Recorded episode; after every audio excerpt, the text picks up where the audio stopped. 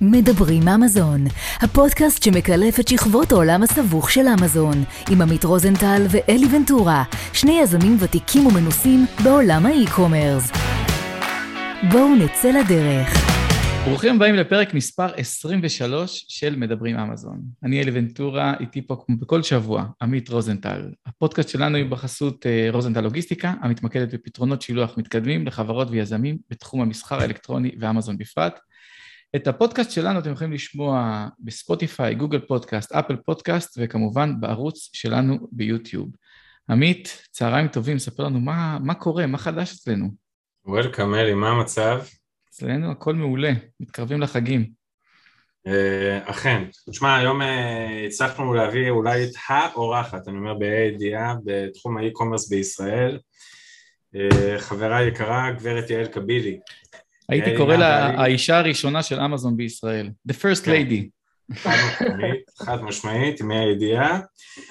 יעל הינה בעלים של אה, שני חברות בתחום ה e-commerce, אחת קבילי ושוט, שהינו משרד עורכי דין מהמובילים בעולם בתחום ה e-commerce, והחברה השנייה, פורצ'נט, בה יעל היא שותפה מייסדת, פורצ'נט הינו בנק השקעות המלווה חברות e-commerce בדרך למכירת העסק האמזוני. יעל, welcome, מה המצב? מעולה, מה נשמע? כבוד אחלה. להיות כאן. אחלה, אחלה, אה, שמחים מאוד מאוד מאוד שאת איתנו. אה, יאללה, אה, אלי, דבר אלינו. יאללה, קודם כל כבוד לארח אותך, אני מכיר את יעל כבר, אה, בואי, שש-שבע שנים בערך, די. בתחילת הדרך. אה, וזה זה אחלה מקום לפתוח את הפרק ולשאול מה, איפה היית חצי שנה לפני שהגעת לעולם הזה, האמזוני או האי-קומרס בכלל, מה עשית ו, ולמה נכנסת לשם? אה, שאלה טובה, הרבה מזל. אה, הייתי, ב... הייתי עורכת דין בתחום של אה, סימני מסחר, זכויות יוצרים. הייתי במשרד גדול בארץ, ואז עברתי לארצות הברית, למדתי שם, וכשחזרתי לארץ, הייתי, הקמתי מחלקת סימני מסחר באחד המשרדים של, של IP בישראל, ו, ופנה אליי אמזוני, אה, שהייתה לו איזה בעיה. זאת אומרת, פה היית אה, שכירה בעצם, במשרד. הייתי, הייתי, לא, הייתי שותפה, כן, הייתי שותפה. שותפה, במשרד עם, אה, עם, אה, עם שני עורכי פטנטים, והרגשתי כבר שהתחום של סימני מסחר קצת מתחיל לשעמם אותי כשלעצמו לבד, ו- וככה בדיוק חיפשתי תחומים אחרים, התחום של, של דיני אינטרנט תמיד עניין אותי, והתחום של מסחר אלקטרוני מאוד עניין אותי, בעיקר כצרכנית בארצות הברית. על איזה שנה אה, אנחנו מדברים? 2015.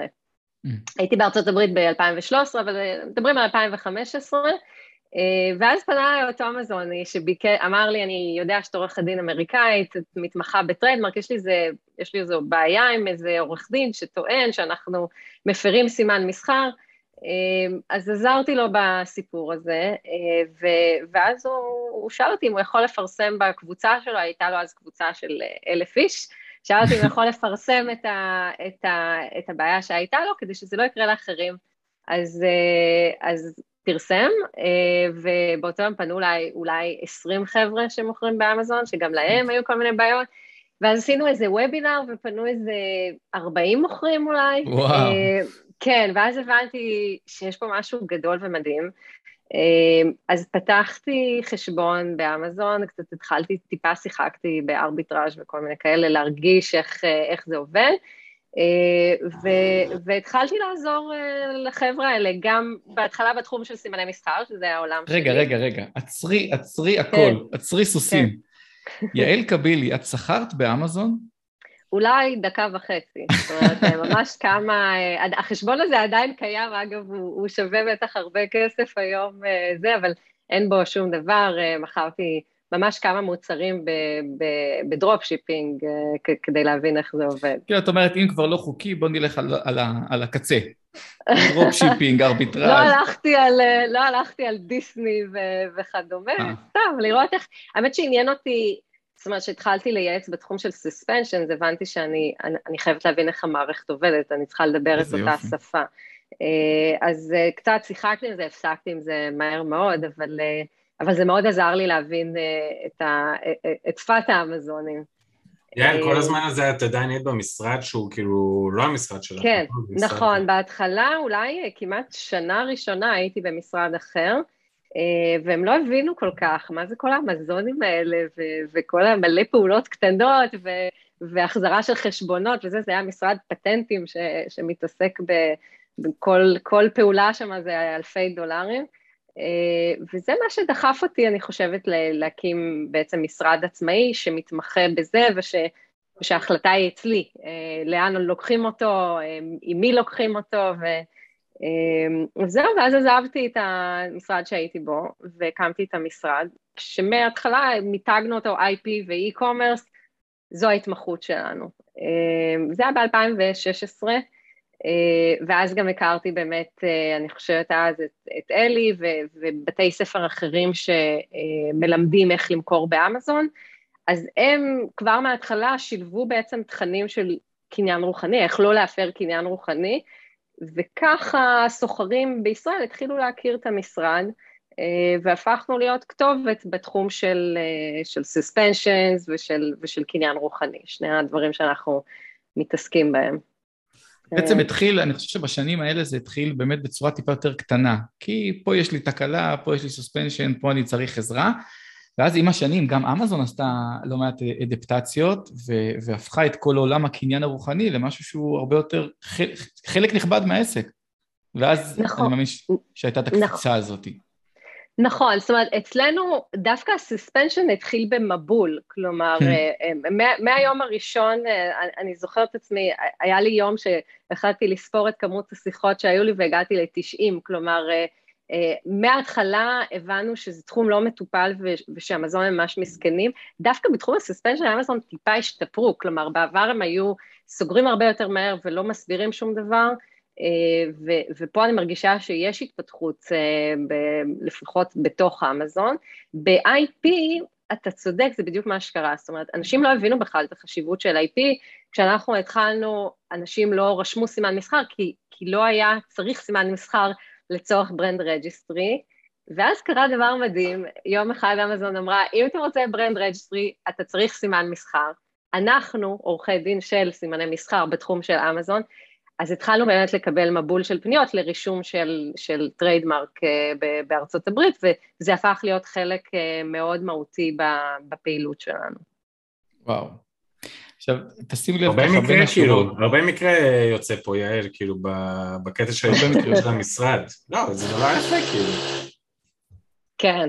Uh, כן, זאת אומרת, זה, זה, התחום של קניין רוחני, אני חושבת, uh, הוא מתחבר מאוד לתחום האי-קומרס, מההתחלה, מאז ומתמיד, עוד לפני שבעצם התעסקתי באי-קומרס, אה, הייתי, אה, זאת אומרת, יצא לי להתעסק ב, ב, בתחום של למשל הפרות, להסיר אה, כל מיני מפרים בפלטפורמות, אפילו בעליבאבא, אז, אז זה משהו ש, שהיה קיים, החיבור ל-IP הוא, הוא, הוא היה מאוד חשוב, ובעצם הבנו מהר מאוד שזה מה שה... זה הייחוד של המשרד, כלומר, יש אה, נותני שירותים בתחום של, אה, של suspensions, היו אז אה, כמה, היום יש יותר, יש עורכי דין, אבל השילוב הזה של, של IP ו-e-commerce, מישהו שממש מבין באמזון וממש מבין ב-IP, לא היה קיים, וגם היום אני, אני לא יודעת להצביע על הרבה משרדים ש, שמתעסקים בשניהם. אז, אז זה ממש ה-value שלנו, ו, ואין ספק שהיינו בזמן הנכון, במקום הנכון להתחיל את הפעילות הזו. לא, זה מדהים, רוצה... זה מדהים אני... כאילו לדעת להיות במקום הנכון בזמן הנכון, ואני אומר, זה לנצל את זה, זה הרבה פעמים יש איזו קונוטציה שלילית, אבל זה כאילו ניצול ההזדמנות עבורך, וזה מדהים לראות את זה, כאילו, להיות במקום הנכון בזמן הנכון זה חשוב, וגם צריך לדעת לנצל את ההזדמנות הזאת שהיא מגיעה, וזה באמת אה, מדהים לשמוע ולראות את זה. זה, זה. זה מה שאנחנו לא שומעים בין השורות. אה, ואני אספר גם ההיכרות וגם כאילו, יעל זרקה פה ושם, אבל אני חושב שגם היא מצטנעת פה בחלק מהדברים, כי, כי זה לא מספיק להיות שם בזמן הנכון ולהיות ראשוני ולעשות את הדברים, ואולי לעלות לוובינר, כי הזמינו אותי לוובינר, זה מגניב ויפה, אבל שים לב מה היא עשתה, היא פתחה חשבון אמזון כדי שיחסמו לו אותו בערך, כדי שהיא תבין למה ומה הסיבה, אחר כך כשהיא פתחה משרד עצמאי, היא לא עשתה מה ש... אגב, זה גם אה, דפוס חוזר של סלרים של יזמים טובים באמזון שאנחנו רואים, היא לא ישר האצילה סמכויות ואמרה את עונה לטלפון, את עושה ככה, את עושה... במשך אולי שנה, שנתיים, אני זוכר שהייתי פונה ליעל ואני אומר לה למי להפנות, אז היא אומרת לי, תפנה אליי. וכמו שהיא אומרת, היה לה 90 שיחות טלפון ביום. אנשים היו באמת מתקשרים אליה, והיא הייתה עונה, לא, לא מזכירה ולא אשת מכירות ולא אחת העורכי דין שלה, היא הייתה עונה, ובצורה הזאת אני חושב שהיא למדה בדרך הכי טובה שיש את כל הבעיות העיקריות באי-קומרס, את כל הבעיות האפשריות באי-קומרס, כך שאחר כך היא יכלה לבנות את העץ הזה בצורה הרבה יותר נכונה, ובאמת לשלוט בתחום כמו שהיא, במהירות שהיא הגיעה אליה. נכון.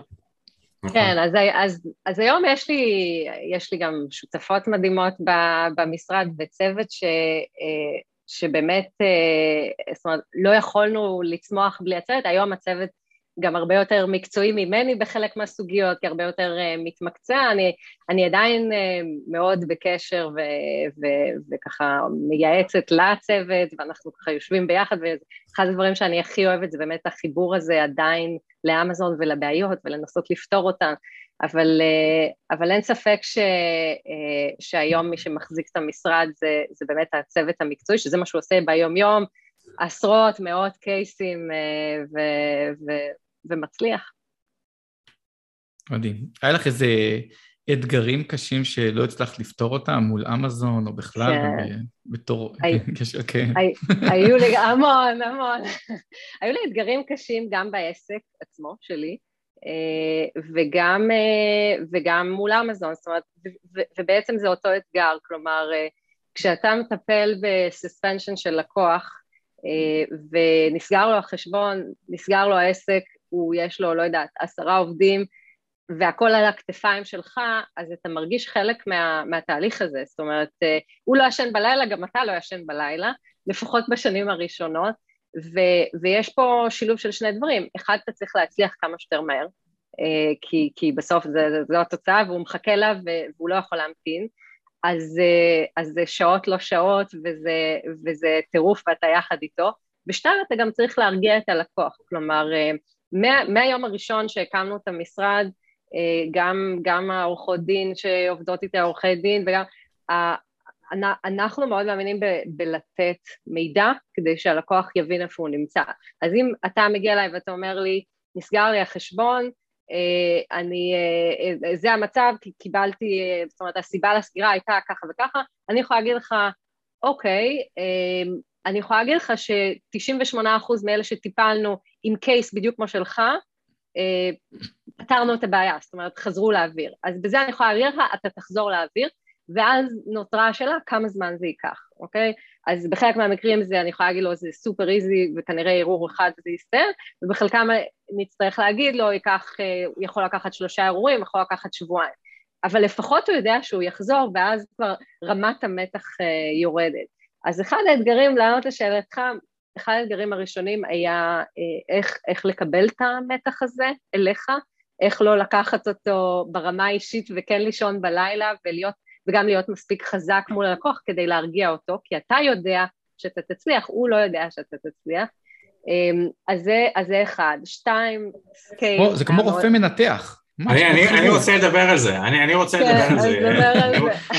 אני רוצה לדבר על זה כי... האמת שעמית נמצא די באותה פוזיציה. זהו, אז, אז אני באמת, כאילו, אחד, אני מכיר את יעל, אם לא אמרתי את זה, אז אני רוצה להגיד את זה פה, ואני לא אומר את זה על כל בן אדם. יעל, אני חייב לה הרבה מאוד, מאוד מאוד, בכלל בעסק שלי ובכלל בכל העולם הזה. אז קודם כל, מי שלא שמע על יעל קבילי, שישמע על יעל קבילי, זה דבר חשוב, ובקטע הזה, אני כאילו, בתור בעלים של חברת שילוח, אני מתמודד כל היום עם לחץ לא נורמלי מצד לקוחות, ואני מודה שאני גם בן אדם רגיש, והלחץ הזה לאורך זמן משפיע עליי, אין ספק, אין ספק שהוא משפיע עליי, אין ספק שגם למדתי לסנן את הלחץ, זה נכון, אבל אי אפשר לברוח מזה, וכמוך כאילו שההצלחות עובדות אז כולם מרוצים, אבל שההצלחות, גם שהלקוח לוחץ עליך כמו מטורף, וגם אז בסוף לפעמים יש חוסר הצלחות, איך את כאילו מתמודדת עם זה באמת ביום יום בלקחת את זה, אתה יודע, נכון. כאילו, לישון בלילה, לקום בבוקר ולהיות בן אדם חדש, זאת אומרת זה הדרך שלי לעשות את זה, מעניין אותי לשמוע איך את עושה את זה, כאילו את ההפרדה הזאת. משפט, אני אוסיף עוד משפט שדומה לשניכם, כן. ש, שברוב המקרים זה גם לא תלוי בכם. כלומר, אני צריך את הסחורה שלי עכשיו, אני משגע את עמית, אבל עמית אומר שזה באמת לא קשור אליו, ואת רואה, זה משהו שהוא עולמי. כן, אותו נכון, דבר באמזון. נכון. אז, אז אצלנו הזמן לא תלוי בנו, זה הקושי, זאת אומרת, התוצאה תלויה בנו, אלא אם כן אמרנו מראש, שזה, זה, זאת אומרת, הבן אדם עשה כל כך הרבה דברים שאי אפשר לעזור לו, אבל הזמן לא תלוי בנו, והזמן הזה הוא, הוא קשה, הוא קשה מאוד לכולם.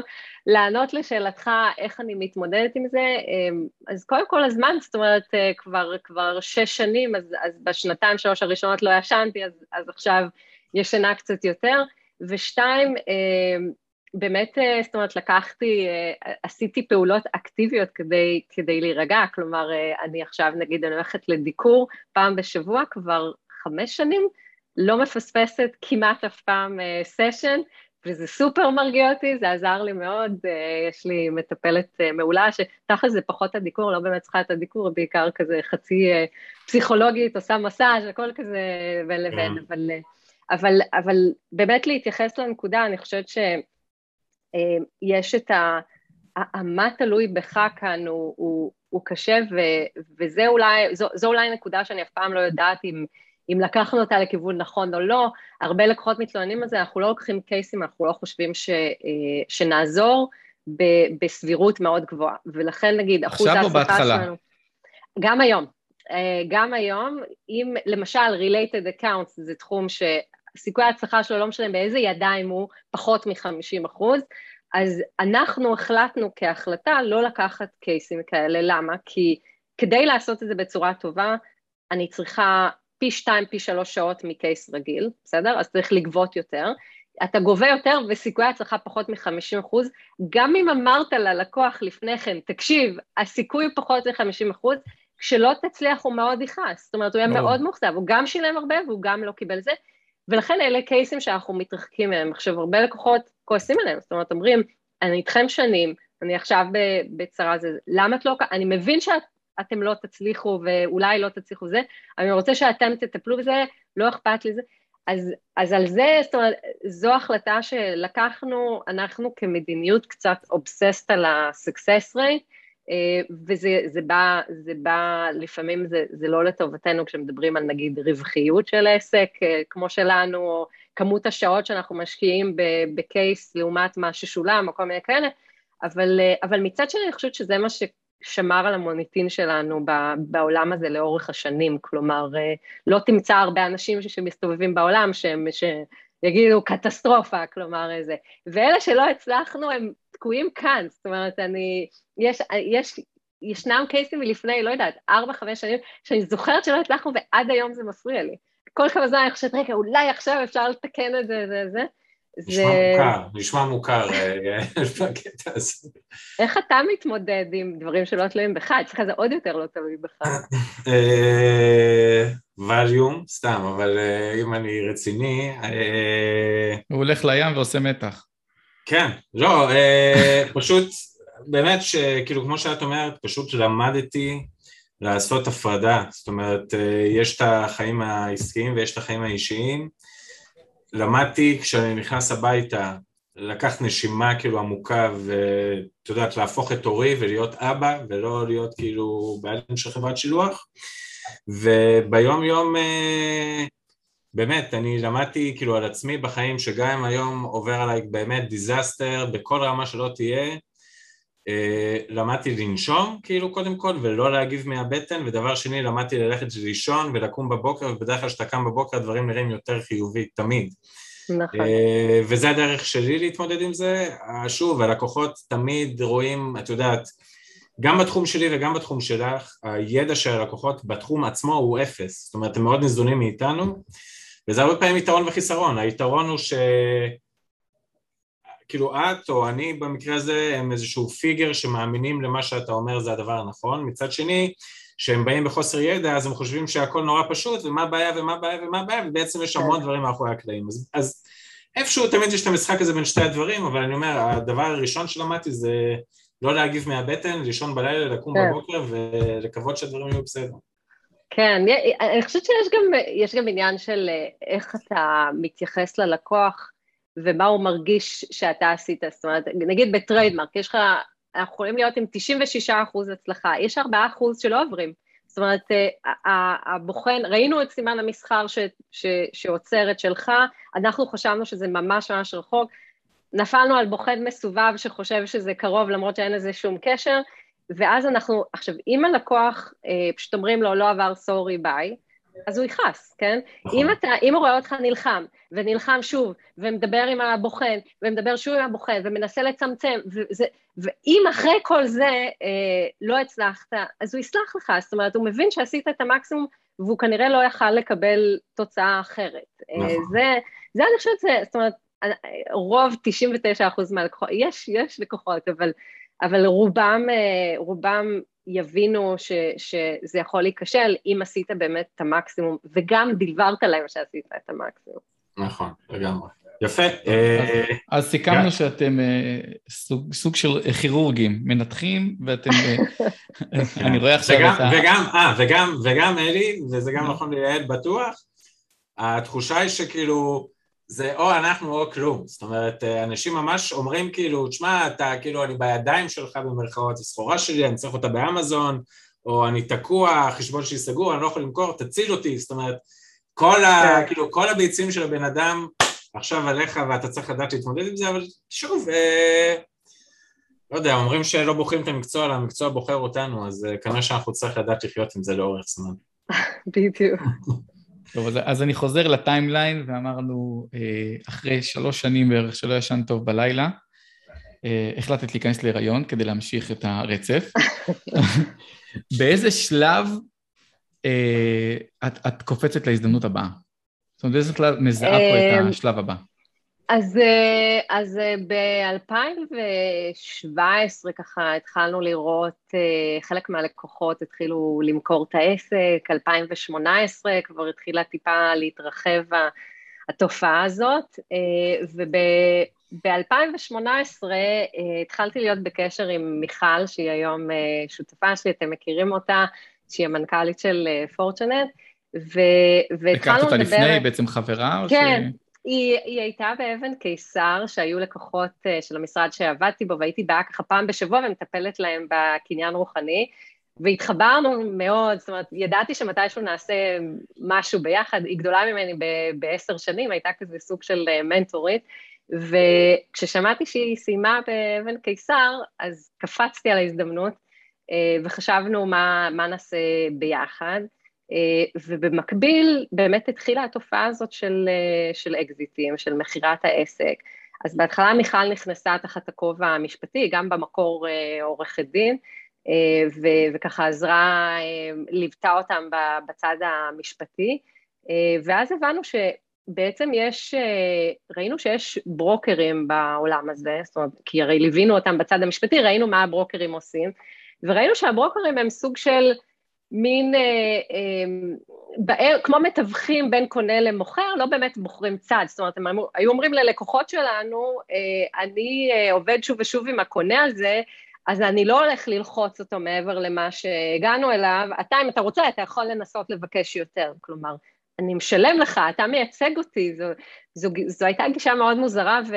וראינו שאין אין, אה, בנקאי השקעות בתחום, זאת אומרת, העולם של בנקאות השקעות הוא משהו שרואים אותו, ראינו אותו מחוץ לאמזון, עם סטארט-אפים וחברות גדולות כמובן, ולא ראינו, אה, ולא ראינו את זה בעולם של אמזון, ובעצם החלטנו לה, להקים בנק השקעות, שבהתחלה, עד היום אנשים לא יודעים מה זה בנק השקעות, חושבים שבנק השקעות זה גוף שמשקיע בחברות האלה, זה לא, אז מה זה בנק שבעצם... השקעות? זהו, בואי נדבר על זה, כי זה משהו שאפילו אני לא, לא, לא מודע כן. אליו.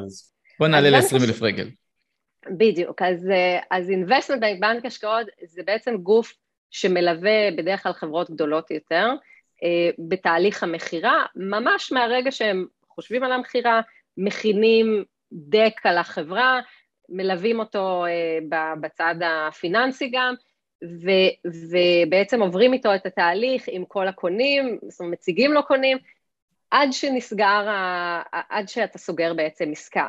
יש, בה, יש בבנקאות השקעות מוטיב גדול של תיווך במרכאות, כי אתה בסופו של דבר מביא לו גם את הקונים, מציג לו את הקונים ו, ומביא לכך שיש עסקה, ואתה לא משקיע כסף נגיד. אבל בגדול זה לקחת את התחום של תיווך ו- ולהריץ אותו 10-15 רמות למעלה עם ליווי מלא ורק בצד של המוכר. זאת אומרת, אתה לא מתווך בין שניים, אתה בצד של הסלר, וכל המטרה שלך בתהליך הזה זה להשיג הכי הרבה שאפשר אה, עבור העסק הזה בנקודת הזמן הזו. אה, אז זו המטרה של פורצ'נט ולכן הקמנו אותה. אחרי כמה חודשים הצטרף אלינו גם אה, עמרי שהיה מוכר באמזון, אה, עסק שמכרנו לפני שנתיים וחצי, כמעט שלוש, ואז הוא הצטרף אלינו בעצם מיד אחרי, הוא רואה חשבון במקור, הוא למד ראיית חשבון במקור, אה, ו, וראינו מהר מאוד שהשילוב בעצם של שלושתנו, ואחר כך גם בכל הצוות, של אה, אה, סלר עם, אה, עם, אתה יודע, ידע בתחום של אמזון, ושל מיכל שבאה מהתחום של, אה, זאת אומרת, שיש לה ידע עצום בתחום של אה, אה, בנקאות השקעות, והרקע שלי בתחום של אמזון זה ככה שוק, אז השילוב של שלושתנו ראינו שמאוד עוזר לנו לסגור את העסקאות, זאת אומרת, אין בעיה בדרך שאנחנו לא יודעים לטפל בה. אה, זאת אומרת, אם, ב, לא יודעת מה, באמצע העסקה מה שקרה לנו לאחרונה, הסלר מקבל notification על review manipulation ואז הקונה נלחץ מזה, אז אנחנו נכנסים ונגיד ל seller מה לעשות, ואז נסביר את זה ל buyer, למה זה, זאת אומרת, למה הוא, לק, הוא נקט בפעולות הנכונות ולמה עכשיו זה בסדר. אז אנחנו יודעים לטפל בזה, אנחנו יודעים לטפל בצד האמזוני, במרכאות, שואלים אותנו הרבה פעמים שאלות, אה, על, על המוצרים, על הטרנד, על זה, ואז אומרים, מוציא לך, צוות של אומרים, מוציא דוח של אה, עשרה עמודים, למה, אה, למה זה ככה, ו... אז, אז הדברים האלה מאוד מאוד עזרו לנו ב, ב, בתהליך, ו, ו, ואז התחלנו לבנות ככה צוותים וכוח. הצוות של מיכל בתחום ה-M&A, וככה שהרחיבו את ה... הידע שלך, היום יש לנו בנקאים של, זאת אומרת, יש לנו אה, בנקאי של 15 שנה ו- ו- ו- ומחלקה שלמה של M&A ויש מחלקה של אנליזה, אה, אז, אז, אה, אז ככה התפתחה פורצ'נט, ובעצם לחזור ל, ל, להיסטוריה, בעצם היינו שם שוב בזמן הנכון ואתה יודע, ברגע הנכון, כי, כי התעשייה של M&A... גם פה עשית טוויסט. עשית טוויסט. כלומר, אמרת, יש פה מתווכים, יש פה ברוקרים, ש, שבדרך כלל מעדיפים ללכת, אה, לקחת את העמלה שלהם מלמעלה, כי שם לא, לא בעיה לשלם עמלה, כי גם ככה הם מוכרים אז חלק, כמו, כמו מישהו שמוכר דירה, אה, ואת הלכת דווקא לצד השני, קצת של ה... בוא, אני, אני אעזור לך, כי, כי יש לך אינטרס שאני אעזור לך, כי אני בצד כן. שלך. אני, כן. אני כאילו, אני דווקא, רגע, אלי, יעל, אני, אני, אני רוצה להקשות על יעל פה בקטע הזה, בסדר? תקשה, תקשה, אנחנו אוהבים שמקשים. אני בטוח שזה משהו שיעל גם אה, שומעת אותו מהרבה מאוד מקורות, בסדר? זאת אומרת, זה לא משהו חדש, ואני גם דיברתי על זה עם יעל בזמנו. יש היום המון המון אגריגטורים, ולא צריך להיכנס פה לשמות, אבל קיימים אגריגטורים. עכשיו, הסלרים האלה, בטח מי שמגיע למקומות שהוא יכול למכור את העסק, רובם אנשים משכילים וחכמים ויזמים, כן. ויש להם אינטואיציות והכול. אה, למה בעצם שבן אדם כזה, ונקרא לו נגיד אלי ונטורה, רק בשביל הדוגמה שאנשים כן. יבינו על מה אנחנו מדברים, למה שאלי לא יפנה לאגריגטור ישירות, ויגיד, שנייה, בוא, הנה זה, זה החשבון שלי, ככה וככה, תן לי הצעת מחיר, ולבוא אלייך, כי בסוף בעסקת תיווך, רגע, יפה, אז בעסקת תיווך, כאילו משלמים מן הסתם פרמיה עבורך, ובצדק כמובן, אבל איפה כאילו היתרון היחסי בשביל הסלר שהוא פונה אלייך או פונה לאגרגטור ישירות, כאילו? נכון, אז, אז זו שאלה מעולה, זאת אומרת, אם, אז, אז תכף אני, אז אני אסביר לך. בגדול, שורה התחתונה, הסיבה היא שכדאי לו לפנות ליועץ כמונו, לא משנה אם זה אנחנו או, או יועצים אחרים, זה כי הוא מקבל יותר נקודה. זאת אומרת, אה, בממוצע נגיד היום, לא מעט מגיעים אלינו חבר'ה שכבר קיבלו הצעה מאחד האגרגטורים, התמקחו עליה, ואז התחלנו את התהליך, בסוף התהליך ראינו שקיבלנו, השגנו 30 עד 60 אחוז יותר. וואו. הסיבה לכך היא לא כי אנחנו גאונים, אלא כי אנחנו עושים תהליך. והתהליך כולל כמה שלבים. שלב ראשון של התהליך הוא, הוא, הוא סביב הדוחות, אוקיי? אפילו, אפילו חישוב הרווח שלך, אתה מחשב אותו בצורה מסוימת, בדרך כלל אם אתה הולך ישירות לאגרגטור, אז או אתה או הבייר שלך יחשב את הרווח, אנחנו מחשבים אותו בצורה אחרת ואנחנו מתמקחים פחות או יותר על כל דולר ברווח שלך. למשל, אני מדברת, אם נדבר על שילוחים, אוקיי? אם החלטת שב... לא יודעת, שני משלוחים האחרונים היית, לא היית מאורגן, היית חייב שילוח אווירי, אוקיי? אז אנחנו נחשב את ההפרש בין שילוח אווירי לימי, ונגיד לבייר, רגע, הרווח, זאת אומרת, ההוצאה הזו היא לא הוצאה שתהיה לך, ולכן אנחנו מבקשים to adjust it, ואנחנו מחזירים את זה לרווח, אוקיי? Mm-hmm. אז יש את הרווח האמיתי, ויש את הרווח adjusted, עם כל מיני adjustments שאנחנו עושים כמו זה. ולפעמים זה יכול להיות רק 50 אלף דולר, לפעמים זה... בוא, כן. נסביר, סליחה שקטעתי אותך, יואו, אני כל פעם קוטע אותך, אבל אה, בוא נסביר רגע שנייה. דיברנו על זה, אלי, דיברנו על זה, מה יהיה, אלי? מה יהיה? כי זה מעניין, אבל אה, בוא נסביר רגע לסלרים החדשים שלא יודעים, למה הרווח כל כך חשוב? אז הרווח חשוב כי אה, בסופו של דבר כשנותנים לכם ולואציה על העסק, לוקחים את הרווח ב-12 החודשים האחרונים, ועל הרווח הזה מפעילים איזשהו מכפיל, נגיד מכפיל 6, אוקיי, או 7. נותנים לכם מכפיל 7 על אותו רווח. עכשיו, אם הרווח הוא אה, נגיד אתה חישבת, אה, לקחת את ההוצאות שלך, הורדת את כל הוצאות אמזון, את כל ההוצאות שיש לך והגעת למיליון דולר. זה נגיד הרווח האמיתי שלך. עכשיו, אם אתה נכנס קצת יותר לעומק של המספרים, אתה יכול לראות שיש דברים שהם בכלל לא רלוונטיים לבייר, נכון? אה, שכירות שלך לא יהיה לבייר. אה, אה, לא יודעת מה, הוצאות של אה, עובדים מסוימים שלא עובדים על העסק הזה, אלא עובדים, לא יודעת, מזכירה, מזכיר שלך, או איזה, לא יודעת, הוצאות שיש לך ביום-יום, רואה חשבון, עורך דין, הטריידמרק, כל מה שחד פעמי, אלה הוצאות שאנחנו מחזירים אותן לרווח. כלומר, עכשיו, לפעמים אנחנו טוענים טענות ולא יקבלו את זה, אבל אנחנו, זו פוזיציה שבהתחלה היו מסתכלים עלינו מוזר מאיפה הבאתם את זה, והיום מקבלים 99 מה, אחוז מה-adjustments שאנחנו עושים. אז קודם כל נתחיל רק במספרים, היינו רואים, אה, עוד לפני שהקמנו את פורצ'נט, היינו רואים סלרים שמשאירים חצי מיליון דולר על השולחן, מיליון דולר על השולחן, כי הם לא ידעו לחשב את הרווח, כי כל דולר זה שבעה דולר, אוקיי? אז אם השארת 100 אלף דולר שלא חשבת על adjustment, נתת מתנה 700 אלף דולר לבייר. אז זה אחד. שתיים, התהליך, כמובן אנחנו מכינים דק על החברה וכולי וכולי, ומראים את, ה, את העסק בצורה המיטבית, זה התפקיד של בנק השקעות, להראות אותו בצורה הכי טובה, ו, ומה העתיד של החברה הזאת, מה ה buyer יוכל לעשות עם העסק, לגרום לו ממש לרצות לקנות את העסק, אבל החלק הכי חשוב זה ה auction, כלומר, בסוף, בסוף אנחנו לוקחים את כל הביירים, שזה כולל את כל האגרגטורים ו- ו- וגופים אחרים כמובן, שגם מעוניינים לרכוש, אה, גופים אחרים, תכף ניכנס למי הם, אז לוקחים את כל הביירים בבת אחת ועושים ביניהם תה, תהליך תחרותי. עכשיו, כשאתה עושה תהליך תחרותי, בסופו של דבר זה לא, זה לא, זה, זה מדע, זאת אומרת, זה ידוע, לא המצאנו את זה בשום, בשום אופן, כשאתה עושה תהליך תחרותי מול עשרות או מאות, אתה בוודאי תקבל יותר מאשר כשאתה מנהל משא ומתן מול בן אדם אחד.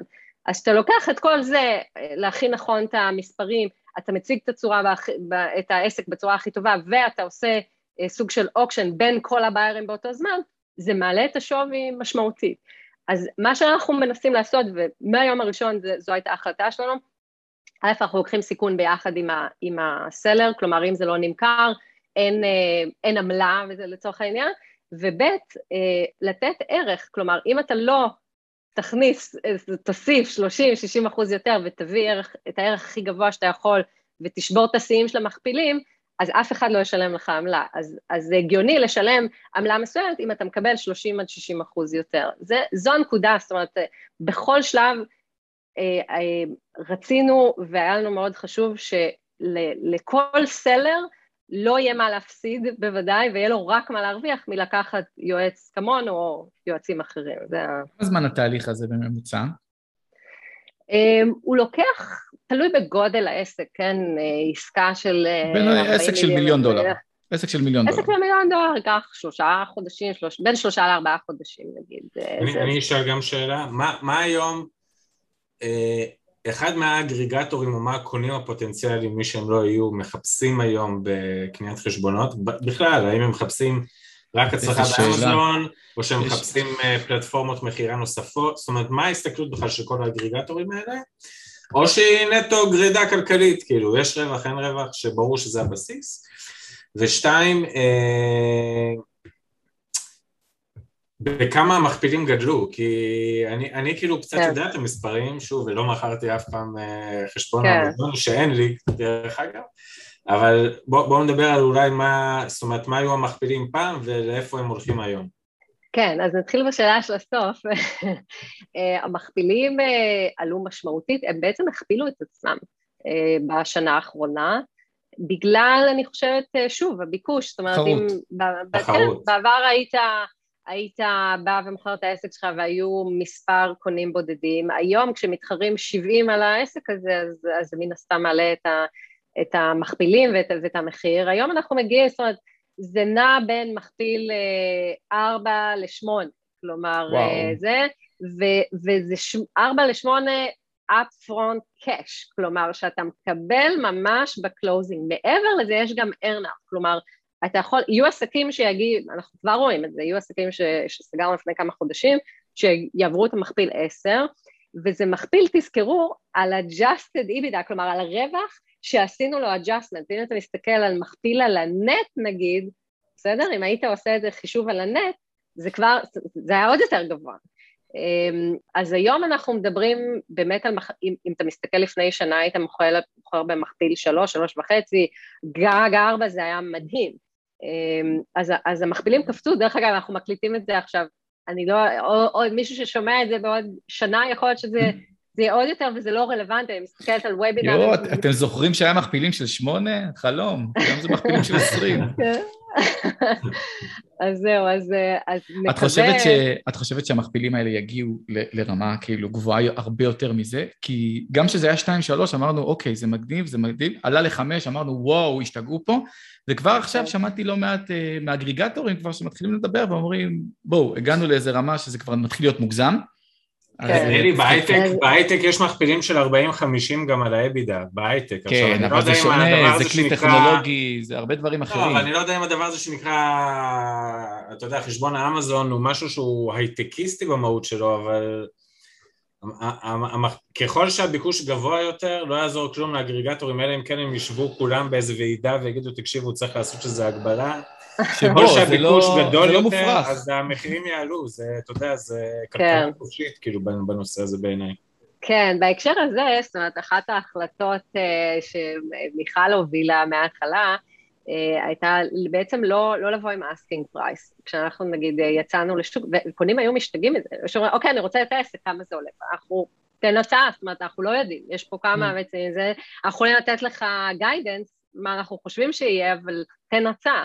וזה היה מחרפן, היום זה, זאת אומרת, זה כבר סטנדרט, ו, וזה בעצם עוזר בצמיחה של המכפילים. אם אנחנו היינו מעריכים, היינו, חלק מהעסקים היינו, נגיד אם היינו מנחשים, היינו מנחשים פחות ממה ש... אה, מה, מהתוצאה הסופית, ויש כאלה שהפוך, שאנחנו חושבים שזה עסק מדהים, ומשום מה אין לו ביקוש כמו שאנחנו חשב, צפינו. אז לכן תמיד השארנו את האבלואציות האלה פתוחות, וזה מה שגרם לדחיפה הזאת אה, של המכפיל. עכשיו לשאלתך, האם, אה, האם זה ימשיך ככה? אני לא יודעת, אה, לאף אחד אין כדור בדולח שיכול לומר או לחזות את העתיד.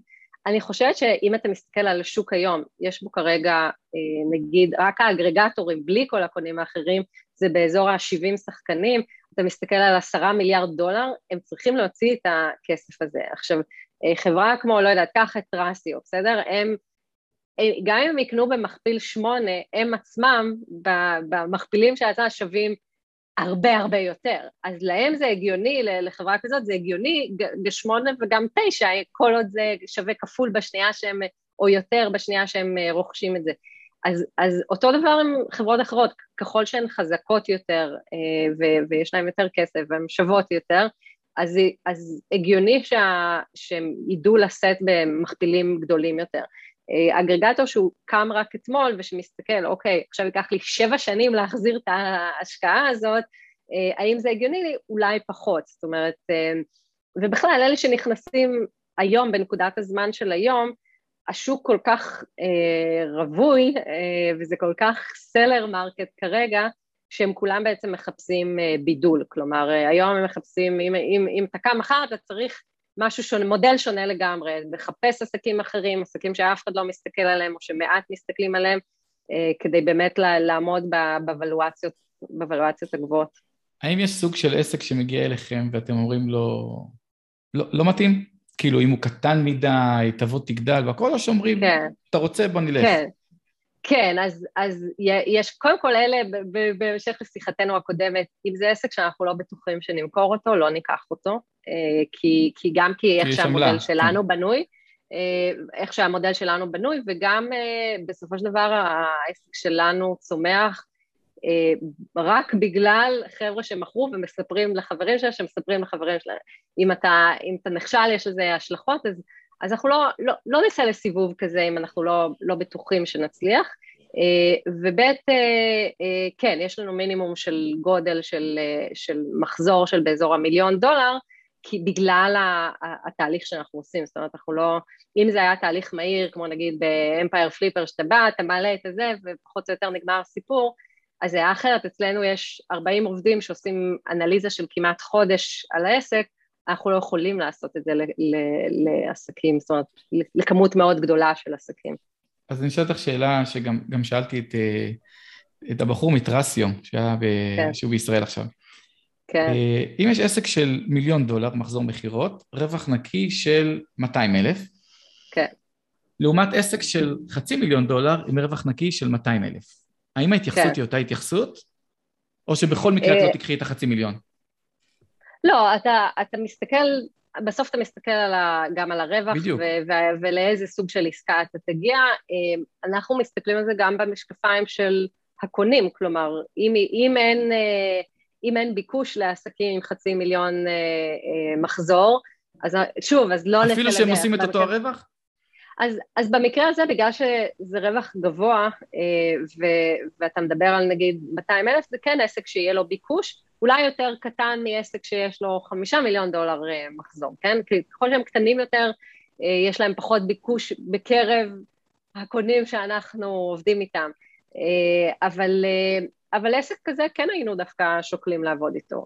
אני חושבת שעסק עם, עם רווח גבוה, רוב, ה, רוב הרוכשים היום כן היו מתעניינים בו, בעיקר כשיש, כשהרווח הולך ויורד ועלייה בסכומי בעלויות השילוח, בעלייה בעלויות הייצור, אז עסק שיש לו רווח כזה גבוה, מעניין, זאת אומרת, אה, לגמרי.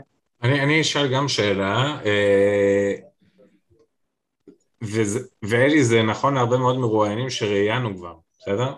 בפודקאסט שלנו, אה, שהרבה אמרו, תראו, עד לפני שנה, שנה וחצי, גם עם העלויות שילוח והייצור והכל, היה לנו רווחיות X, וטעינו שלא מכרנו את זה כי הרווחיות שלי נשחקה בטירוף, בסדר? בשנה האחרונה. כן. מתי את מציעה לאיזשהו מוכר פוטנציאלי בכלל לגשת לתהליך כזה של מכירה? ברור שזה כן. בסוף עניינים שהוא רוצה למכור, אבל כספית ווייז, כאילו איפה הנקודה הנכונה בכלל להיכנס למחשבה כן. לתהליך כזה? או לאיפה הוא צריך לשאוף? שאלה קשוחה, אני לא יודע אם יש לה תשובה. כי כאילו תמיד שאלה, אתה, כן. אתה בקצה ההר ואתה לא יודע אם יש המשך או, או מתחילה ירידה. כן, כן, בדיוק הייתי בהרצאה שהוא מראה כאילו זה אה, טוב, טוב, טוב, מעולה, מעולה, too late. כלומר, אה, זה, עכשיו, נכון. במובן הזה זה, זה נכון, כלומר, אה, אתה, בתעשייה היום לא יעזור, זאת אומרת, עסק שהוא בצמיחה יקבל מכפילים מדהימים, כמו שדיברנו עליהם, זאת אומרת, מדהימים שלא ראינו לפני כן, אבל עסקים שהם בירידה, יש להם הרבה פחות ביקוש, חלקם לא ימכרו בכלל, וחלקם ימכרו במכפילים של פעם, כלומר, מכפיל נגיד שלוש. אז, אז עכשיו, מתי למכור זו שאלת השאלות, כלומר, זה, אני חושבת שיש בזה אלמנט מאוד אישי, ואנחנו משקיעים בשאלה הזאת הרבה זמן, זה חלק מהאסטרטגיה של, של ההתחלה. לפעמים אנחנו מתחילים את התהליך עם, עם לקוח, עושים את הדוח הכספי, ואנחנו מחליטים ביחד שזה, שזה לא יהיה חכם למכור עכשיו, שהוא בכזאת צמיחה, כל חודש שעובר אמ, מגדיל את, ה, מגדיל את האקזיט בצורה מאוד מאוד משמעותית, ואז אנחנו אומרים, אוקיי, בואו נמתין לאחרי Christmas, בואו נמתין ארבעה חודשים.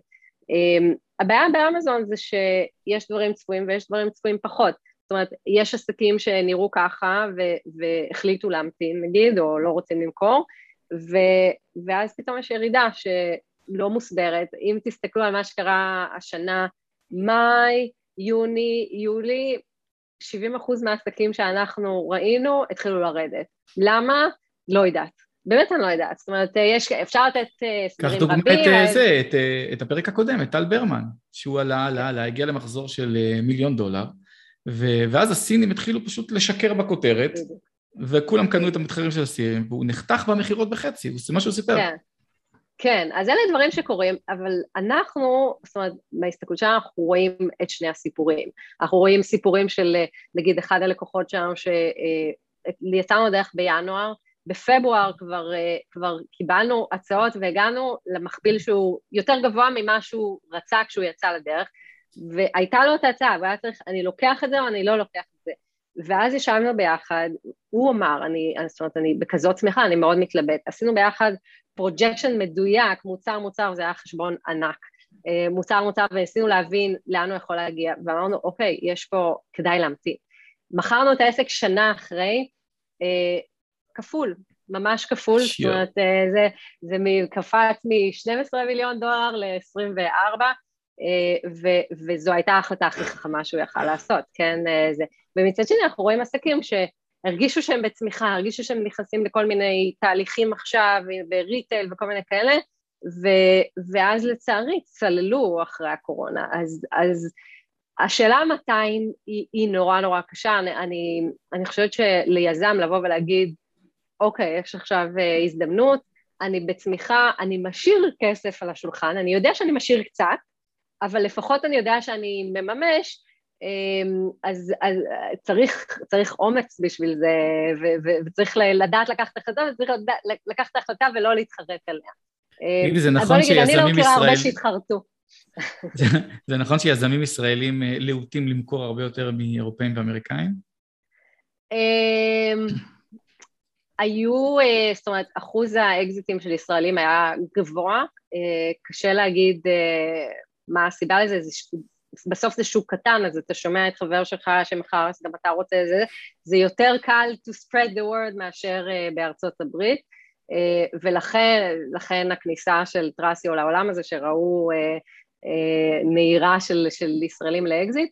מצד שני, זאת אומרת, אם תסתכל על מה הם עושים, מה הם עושים אחרי האקזיט, הם בונים עוד מותג. זאת אומרת, חלקם כבר עוד מעט באקזיט הבא, הלקוח שלנו שמכרנו... אנחנו מדינה של יזמים, בסופו של יום. בדיוק. בדיוק, אז אם תסתכל על הישראלים, האמת היא, זאת אומרת, אני מסתובבת בכנסים וכל הזמן אומרים לי ואני פשוט גאה, אמ, ישראלים ממש מובילים את התעשייה הזאת, זאת אומרת, תעשיית ה-M&A, אנחנו בין הראשונים, אנחנו, אני כוללת את עצמי בסיפור, את פורצ'נט, אבל אה, אה, גם בין הראשונים וגם בין הגדולים, וגם בין האיכותיים יותר, זאת אומרת, אנחנו מקבלים פידבקים אה, מהרוכשים שה, שהפורטפוליו שלנו, שבחלקו כמובן מורכב מישראלים, אה, מאוד מאוד איכותי ביחס ל, ל, ל, לעסקאות שהם רואים באופן כללי, אז, אה, אז זה כיף לשמוע את זה. תגידי, אם הייתי צריך אה, לבקש ממך לתכנן, או לחשוב, או לקפוץ רגע חמש-שש שנים קדימה, איך את חושבת שהשוק הזה נראה? האם יש יותר אה, מוכרים מאשר קונים? אה, האם בכלל אמזון סגרה את ה... לא יודע, לאן זה הולך? כן, אז אה, בדיוק דיברתי על זה אתמול בוועידה הזאת. אני חושבת שמה אה, שיפה, אם אתה מסתכל על, על הקונסולידציות בכלל, בסדר? בשווקים אחרים, אז נגיד תראה את עולם הרכב, חברה רוכשת חברה, רוכשת חברה, ומתחיל תהליך קונסולידציה, עד שבסופו של דבר יש שתי חברות גדולות, נכון? או בעולם המזון, נכון? יש רק שתי חברות גדולות כי רכשו את כולם. זה.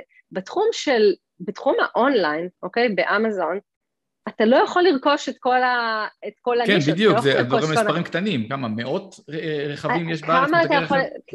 נכון, אז עכשיו, באמזון זה, זה פשוט אינסופי, אז, אז תלך על קמפינג, אז אוקיי, רכשת את כל הזמן, אבל כל הזמן נוצרים חדשים, ואז אתה אה, אה, תלך על, לא יודעת מה, הום דקור, ואתה רוכש ורוכש, זה בעצם אינסופי, כלומר, אני חושבת ש-once, אתה יודע, התהליך הזה החל, אני לא רואה אותו מפסיק, זאת אומרת, הם אה, ימשיכו ויהיו זה, תמיד רגע, יהיו רוכשים רגע, ותמיד אני, יהיו... אני מעלה רגע דגל אדום. כן. החברות האלה, אה, שמעתי לא פעם ולא פעמיים, אה, אחרי שהן רוכשות, נגיד גם טרסיו, אחרי שהיא רוכשת חשבון, החשבון הזה הוא קודם כל נופל. אתה יודע, בצניחה קלה, מה שנקרא, ואחר כך מצליחים להרים אותו. ראשונים. כן. אבל בואי, זה צוות כבר של כמה? 800 עובדים יש לטרסיו? בכל רחבי העולם? מעל אלף. מעל כן. אלף. זה תפעול מטורף, אינטנסיבי. החברה, אני מאמין, היא חברה פרטית, ואני מאמין שהיא לא רווחית בשום דרך ושום צורה.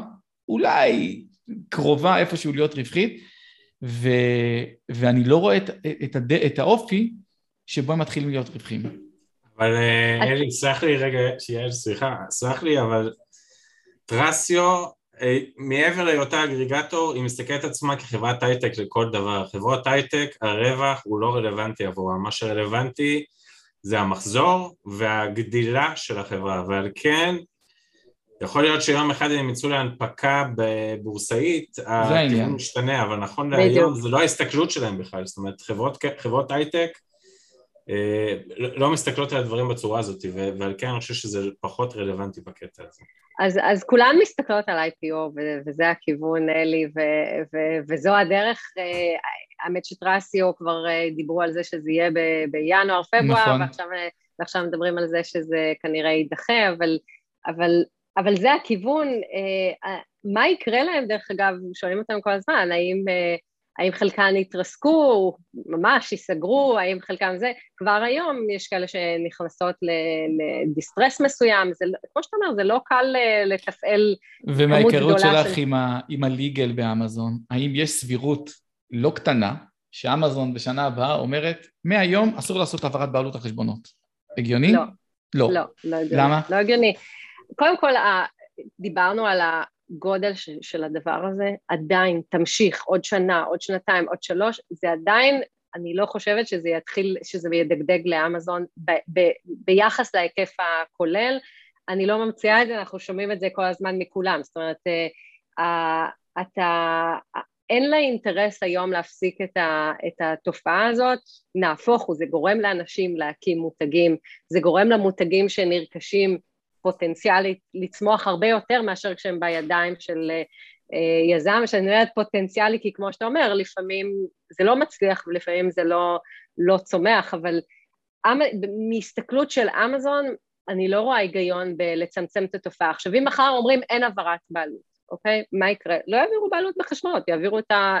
יקנו את החברה, כבר התחילה, לא, כבר התחילה, כבר התחיל תהליך של רכישת חברות ולא רק אה, רכישה של אסטים, זה הופך להיות יותר ויותר common, אז אי אפשר להעביר בעלות, אז ייכנסו לתוך החברה, לתוך הנעליים של, של הסלר וימשיכו, אתה לא יכול להחזיק נכס, זאת אומרת, אי אפשר למנוע mm. העברה של, של, של הנכסים, אי אפשר למנוע כניסה של מישהו לחברה, נכון?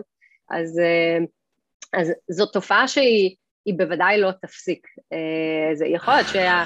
יכול להיות שאם לא תהיה הצלחה גדולה, אז, ה, אז ההייפ יהיה פחות uh, גדול, וה, ואותם אגרגטורים יתקשו uh, uh, לגייס חוב, או, או, אז זה משהו שכן בהחלט יכול לקרות, ואז, ואז תהיה ירידה. Uh, אבל אני לא, אני לא רואה את זה יורד בשנים הקרובות, ובטח שלא בשנה הקרובה שבה כבר גויסו עשרה מיליארד דולר. יעל, אנחנו uh, מתקרבים לסוף, למרות שהשיחה הזאת מאוד מרתקת, ואני יכול לדבר אולי שעתיים נראה לי. Uh, ויש לנו שאלה קבועה שאנחנו שואלים בכל פרק. Uh, אבל אני, אני, אני רוצה לעשות לה אדפטציה, אדפטציה, כי, כי השיחה הזאת היא שיחה שונה, היא לא יזמת אמזון קלאסית. אז השיחה, השאלה היא, אם, אם היית זוכה מחר בעשרה מיליון דולר, מה היית עושה איתם? ואני אוסיף כזה סעיף, מה שנקרא, פתח סוגריים לשאלה, האם יש סבירות שביום מן הימים נראה אותך יוצאת, ל, מה שנקרא, יוצאת לפנסיה מוקדמת, נחה, אחרי השנים הרבות ש, שעסקת בתעשייה הזאת והזעת? כן, אמ, אולי הייתי עובדת פחות מ-16 שעות ביום, בוא נתחיל בזה, אבל אה, לא, אני חושבת שמה שהייתי עושה אם, אם, אם היה לי אה, עשרה מיליון דולר בכיס מחר, הייתי לוקחת אותו להרחבת העסק ובניית טכנולוגיה ו- ועובדים אה, חזקים ויותר marketing ו- ופשוט מרחיבה את, ה- את הפעילות הקיימת. אה, אנחנו גם, זאת אומרת, גם במשרד וגם בפורצ'נט יש לנו חזון ברור ו- ואני לגמרי יכולה לחשוב מה הייתי עושה עם הכסף הזה באופן מיידי כדי להגיע שם יותר מהר. אה, האם הייתי מורידה רגל מהגז? אה, הייתי שמחה להגיד שכן, ו- ואולי בעלי והילדים היו שמחים ש- שהייתי אומרת כן, אבל, אה, אבל אני לא חושבת, לא, ב- לא בתקופה הקרובה. ככה נשמעת יזמת אמיתית ש- שאוהבת את מה שהיא עושה. וזה מה שיפה, דרך אגב, גם בתחילת הדרך וגם עכשיו. באמת נשמע שאת נהנית ממה שאת עושה. בכל רגע. אני, האמת שאני מאוד נהנית. אתה מרגיש שאתה, בשתי החברות אתה מרגיש שאתה א', מסייע וב', חלק מתהליך מאוד משמעותי. כשאתה עוזר למישהו להחזיר, להחזיר עסק, אתה מרגיש שאתה, זאת אומרת, מקבל בבוקר את ההודעה הזאת, אה, הצלתם לי את החיים, אתם מדהימים וזה, ו, ו, וכשאתה מוכר עסק ואתה חוגג עם הבן אדם ש, שהשתנו לו כל החיים, אתה, בסוף אתה נהנה מהעבודה שלך, אה, אז, אז כן. עורכת הדין יעל קבילי, תודה, תודה, תודה, תודה רבה. תודה. לכם, היה כיף. המפגש. הבא צריך להיות בלייב ובהרצליה, יעל, אבל זה לא... לגמרי. לא למקום. לגמרי, תסמסו לי כתובת ומוזמן, בבקשה. ותגיע. יאללה. תודה, יאללה. היה כיף. תודה רבה. תודה רבה. ביי. ביי ביי. ביי.